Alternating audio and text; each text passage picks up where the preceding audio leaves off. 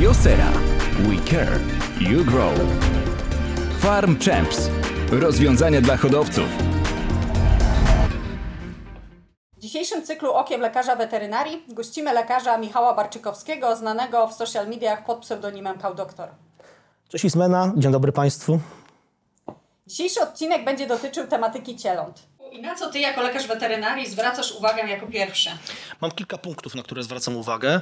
Przede wszystkim, czy zwierzęta są cicho po pojeniu?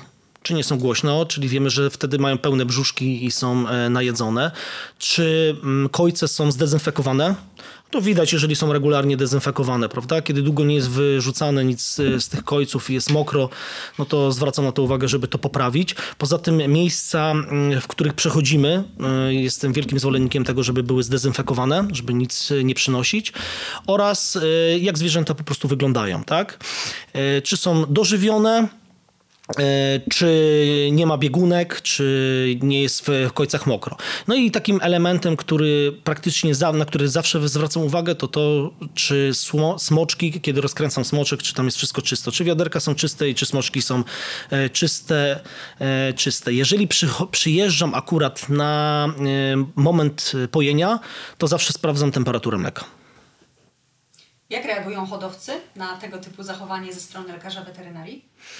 Różnie. Początki były ciężkie, bo troszeczkę mogłem być odbierany jako wtrącanie się w nie w swoje sprawy, ale kiedy wytłumaczyłem moim hodowcom o co chodzi i po co ja to robię, teraz odbiór jest bardzo pozytywny.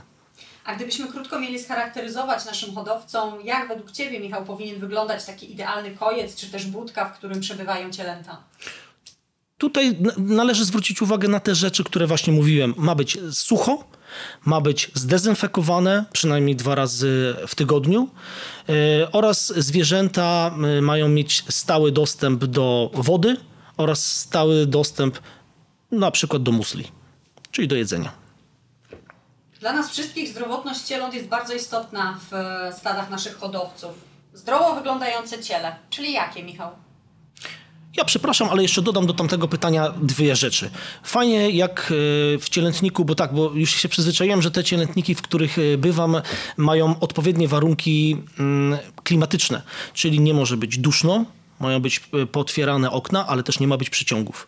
Jeżeli mamy na przykład z dwóch stron drzwi, to fajnie jest otworzyć te drzwi górne, górne części, bo one najczęściej są dzielone, po to, żeby nie było przeciągu, ale żeby była odpowiednia, y, odpowiednia temperatura i odpowiednie czysto powietrze. Wtedy jakby układ oddechowy działa lepiej, a wiemy, że układ oddechowy u cieląt jest zbudowany bardzo skomplikowanie i jeżeli wchodzi to zapalenie y, płuc, no to już jest to później trudno wyleczalne. A teraz, przepraszam, zadaj mi jeszcze raz to samo pytanie. Zdrowo wyglądające ciele, czyli jakie według Ciebie? E, przede wszystkim tak, oddychające spokojnie, sierść musi się lśnić, e, ma być mm, wypełnione, czyli nie mogą być doły głodowe zapadnięte, nie może być widać mocno żeber oraz e, na co mocno zwracamy uwagę, to na to, czy w okolicach odbytu nie jest mokro, nie ma wyłysień, bo to może świadczyć o przebytej biegunce lub trwającej biegunce. A co z samym zachowaniem tych cieląt? Cielęta, takie cielęta, które są zdrowe i na które nikt e, nie krzyczy i mają spokój w cielętniku, one są zawsze spokojne, one sobie leżą, one są e, cichutko. Jak wchodzi ktoś, to często podchodzą, chcą postać troszeczkę e, palca. To jest, to jest jakby naturalne zachowanie. Wszyscy wiemy, że kluczem do zdrowego odchowu cieląt jest obsługa, która zajmuje się tymi cielętami na co dzień. E, porozmawiajmy może teraz przez chwilę o głównym aspekcie w odchowie cieląt, na który ta obsługa e, ma największy wpływ, czyli odpój i higiena tego odpoju. Na co Ty zwracasz uwagę jako lekarz? Odpowiednia temperatura podanego mleka, odpowiednio w ogóle zrobione mleko. E, pamiętajmy, że na każdym mleku, które jest, jest instrukcja jego obsługi. I to jest najważniejsze, żeby nie robić tego na oko, tylko odmierzać tak, jak jest to napisane w instrukcji obsługi. Zawsze można zapytać swojego e, żywieniowca, który zajmuje się danym, danym cielętnikiem, żeby nauczył albo żeby wytłumaczył, jak to zrobić, żeby to było prawidłowe, czyli żeby stężenie tego mleka było odpowiednie. Druga sprawa, ono musi mieć odpowiednią temperaturę e, i musi być podane w w wiaderku, które jest czyste, umyte, nie jest za przeproszeniem całe zasrane przez muchy, czyli wiaderka muszą być odwrócone zawsze do góry nogami, jak już są po, po, po umyciu E, i smoczek e, musi być również czysty, ale musi być też odpowiednia jakość tego smoczka. Prawda? To jak, jak to wygląda, albo pokażę kiedyś w moich mediach społecznościowych, albo proszę zapytać, e, zapytać żywieniowca, jak powinien, to, jak powinien ten smoczek odpowiednio wyglądać. A czy hodowcy, z którymi współpracujesz, stosują e, tego typu metody na co dzień? Tak, tak. E, Każdy wie, że zdrowie cieląt zaczyna się od odpojenia. Okej, a co z jakością samego mleka, ale też siary, bo to tak naprawdę pierwszy pokarm dla cieląt? Jeż- Jeżeli wiemy, jaki jest status e, tak naprawdę immunologiczny stada, czyli jakie mamy choroby, e, jak, jak, wygląda, mm, jak wygląda odporność zwierząt, prawda? Bo to jest też związane z chorobami zakaźnymi. E, Ja zalecam stosowanie sztucznego mleka, dlatego że tych chorób jest dosyć dużo. I teraz idealnym, e, idealnym sposobem byłoby w żebyśmy dawali, jeżeli byśmy mieli dawać pełne mleko, to żeby ono było pasteryzowane. Jest to zbyt dużo zachodu i uważam, według mojej opinii jest to e, nieopłacalne.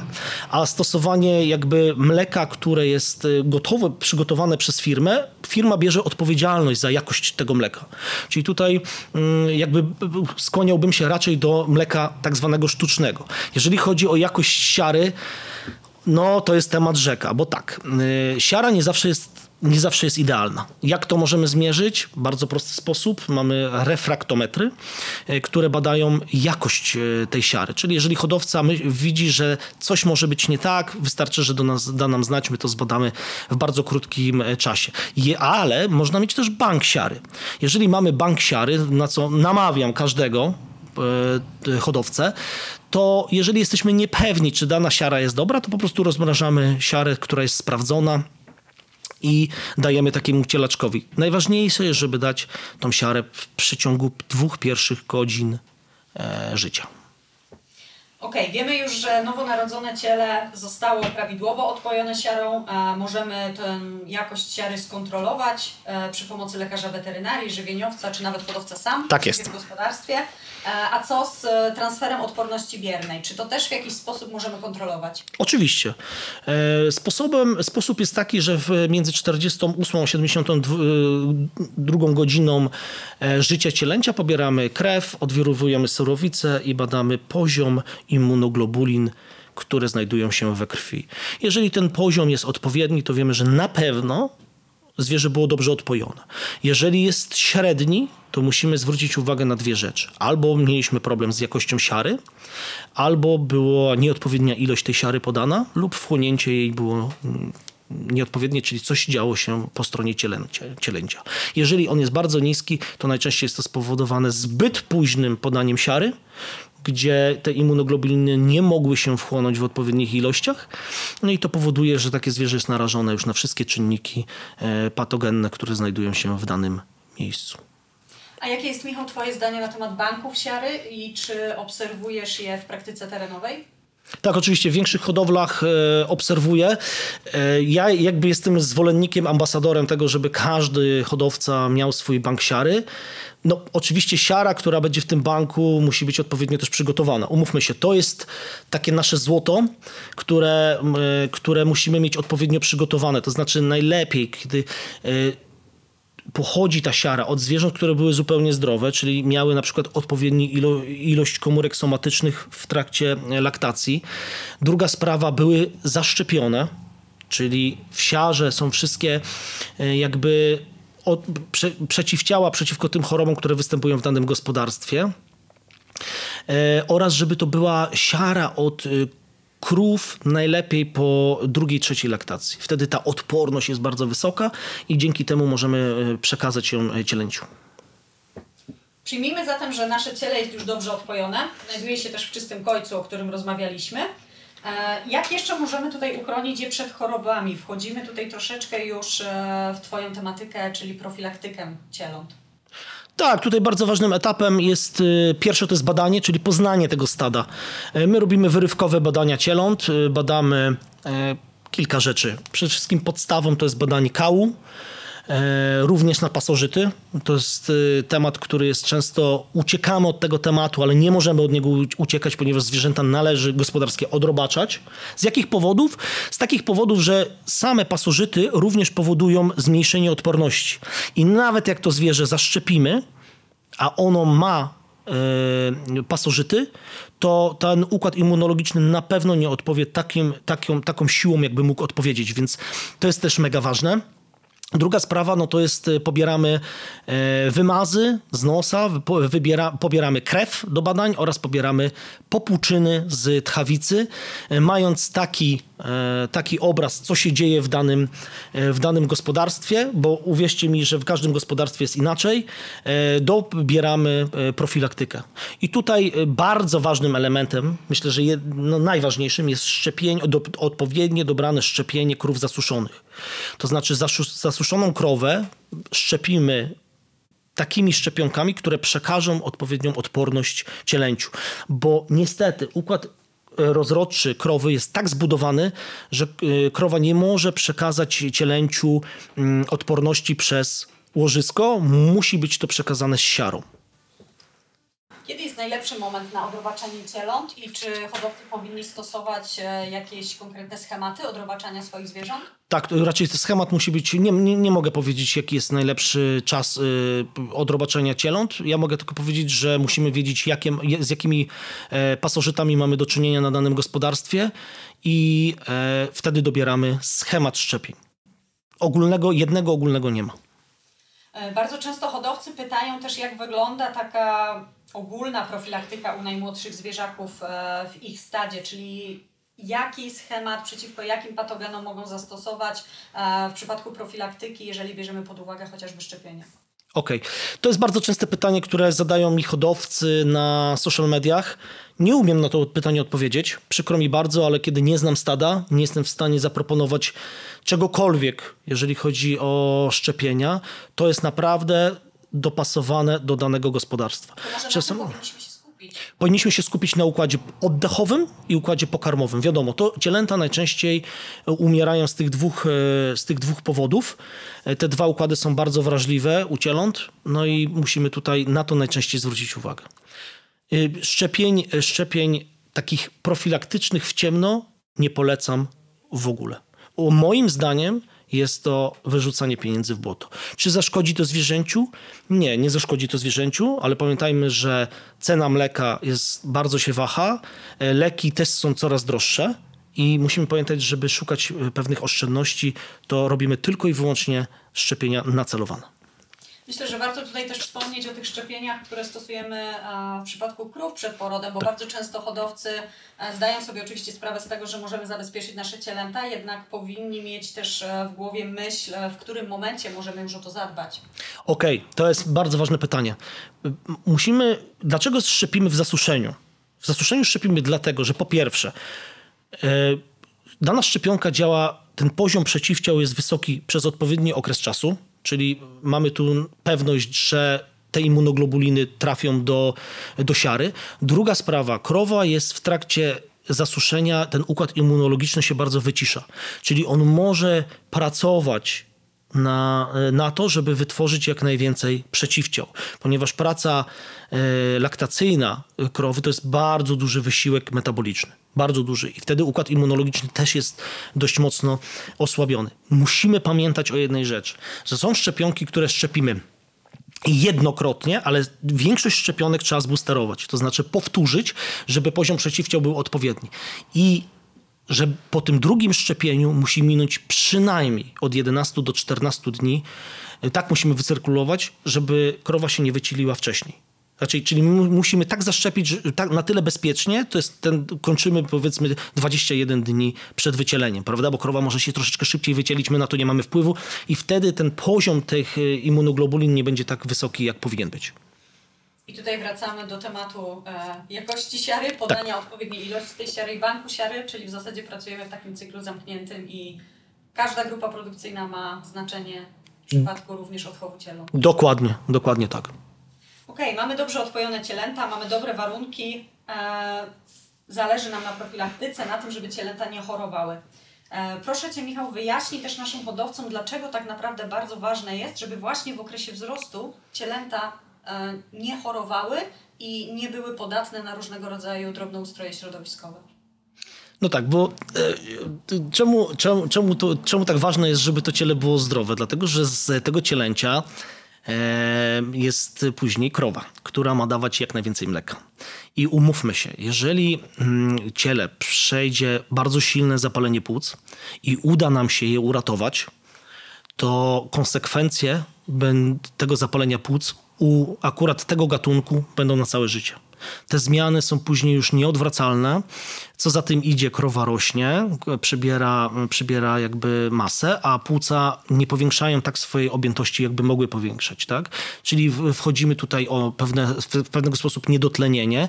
Wiadomo, że zwierzę się będzie bronić, czyli albo będzie trudniej zachodzić w ciążę, bo się będzie przed tą ciążą bronić ten y, jakby organizm, albo będzie po prostu dawać mniej mleka. A najczęściej jest to e, powiązane. Z drugiej strony, zwierzę, które przeszło e, różnego rodzaju choroby, bo to nie tylko układ e, oddechowy, ale również układ e, pokarmowy ma tutaj bardzo duże znaczenie, bo nie wchłaniają się odpowiednie, odpowiednie witaminy, odpowiednie minerały. Wiadomo, że w pierwszych dniach życia to jest bardzo ważne, tak samo jak u dzieci. No i co się dzieje dalej? Zwierzę na przykład zajdzie w ciążę e, i nie może tej ciąży dotrzymać. Albo rodzi ciele i po takim e, ciężkim, na przykład jest ciężki poród i ono umiera, tak? bo ma niedotlenienie, bo różnego rodzaju się rzeczy dzieją. Więc jakby bardzo ważne jest, żeby zadbać, żeby te zwierzęta były po prostu zdrowe. Poza tym jest jeszcze jedna ważna sprawa. E, wiadomo, że tworzy się zawiązki wymienia i tworzy się po prostu wymie. Jeżeli zwierzę będzie nieodpowiednio wykarmione, y, odżywione, tak naprawdę odżywione, no to też y, jakby to wymie nie będzie się tworzyć tak jak, a to są już później, tak jak powinno, a to są już później zmiany, które są nieodwracalne. I, i na pewno takie zwierzę będzie mniej wydajne. Zamykając temat zdrowotności, myślę, że warto jeszcze wspomnieć o problemie biegunkowym u cieląt, e, bo to jest zmora Tak jest. hodowców. E, Jakie są, Michał, Twoje spostrzeżenia, Twoje zalecenia, jak radzić sobie z tym ciężkim okresem biegunek u cieląt, szczególnie u tych młodszych sztuk? E, czystość to jest pierwsza sprawa. Jakość, e, jakość mleka, e, odpowiednie, odpowiednie odpojenie, czyli no, nie odpajamy cieląt raz dziennie, co się niestety zdarza. A cielęta, druga sprawa, jeżeli jest układ Mówimy o układzie pokarmowym, e, to zwierzęta muszą od początku mieć dostęp do paszy również stałej. Dlaczego? Dlatego, że one się uczą. Dlatego, że b- będzie się rozwijał niedługo żwacz. Prawda? I y, one muszą się uczyć i, i te bakterie muszą się tworzyć i wytwarzać bakterie i musi się wytwarzać odpowiednia perystaltyka, więc jakby to jest y, podstawa. No ale to czasami zastosujemy to, ale są patogeny w, w, i jest higiena, i jest wszystko, i jest szczepienie, ale i tak, i tak występują biegunki. I hodowcy się mnie pytają, no i co teraz? Tak, po pierwsze, występ, za, e, szczepienie nie zabezpieczy 100% przed biegunkami. Dobra jakość e, mleka nie zabezpieczy, warunki zoohigieniczne nie zabezpieczą, ale jak się to wszystko połączy, to zmniejszamy ryzyko negatywnego wpływu na dalszy rozwój tego cielęcia. Nawet jak delikatna biegunka wystarczy, wystąpi. Często takie zwierzęta nie, nie umierają, tylko po prostu da się je szybko wyleczyć. Ale ważnym elementem jest, żeby poznać, jakie patogeny występują na danym gospodarstwie. Bo jeżeli mamy problem, na przykład, powiem na przykładzie z Escherichią coli, to nasz y, doradca, y, najczęściej y, żywieniowy, musi doradzić, jakie mleko zastosować w takich gospodarstwach, bo jest to, stosuje się najczęściej inne mleko niż na przykład w gospodarstwach, gdzie tego problemu nie ma. I tu już jakby jest pytanie do ciebie, czy ty wiesz najlepiej, jak, jak po prostu takie mleko dobrać. Tak, w tym przypadku najczęściej stosujemy preparaty mleko-zastępcze, które są mocno zakwaszone. Dokładnie. E, I chronią też mikrobiologicznie samo pujło już w wiadrze, ale też właśnie na etapie e, pojenia.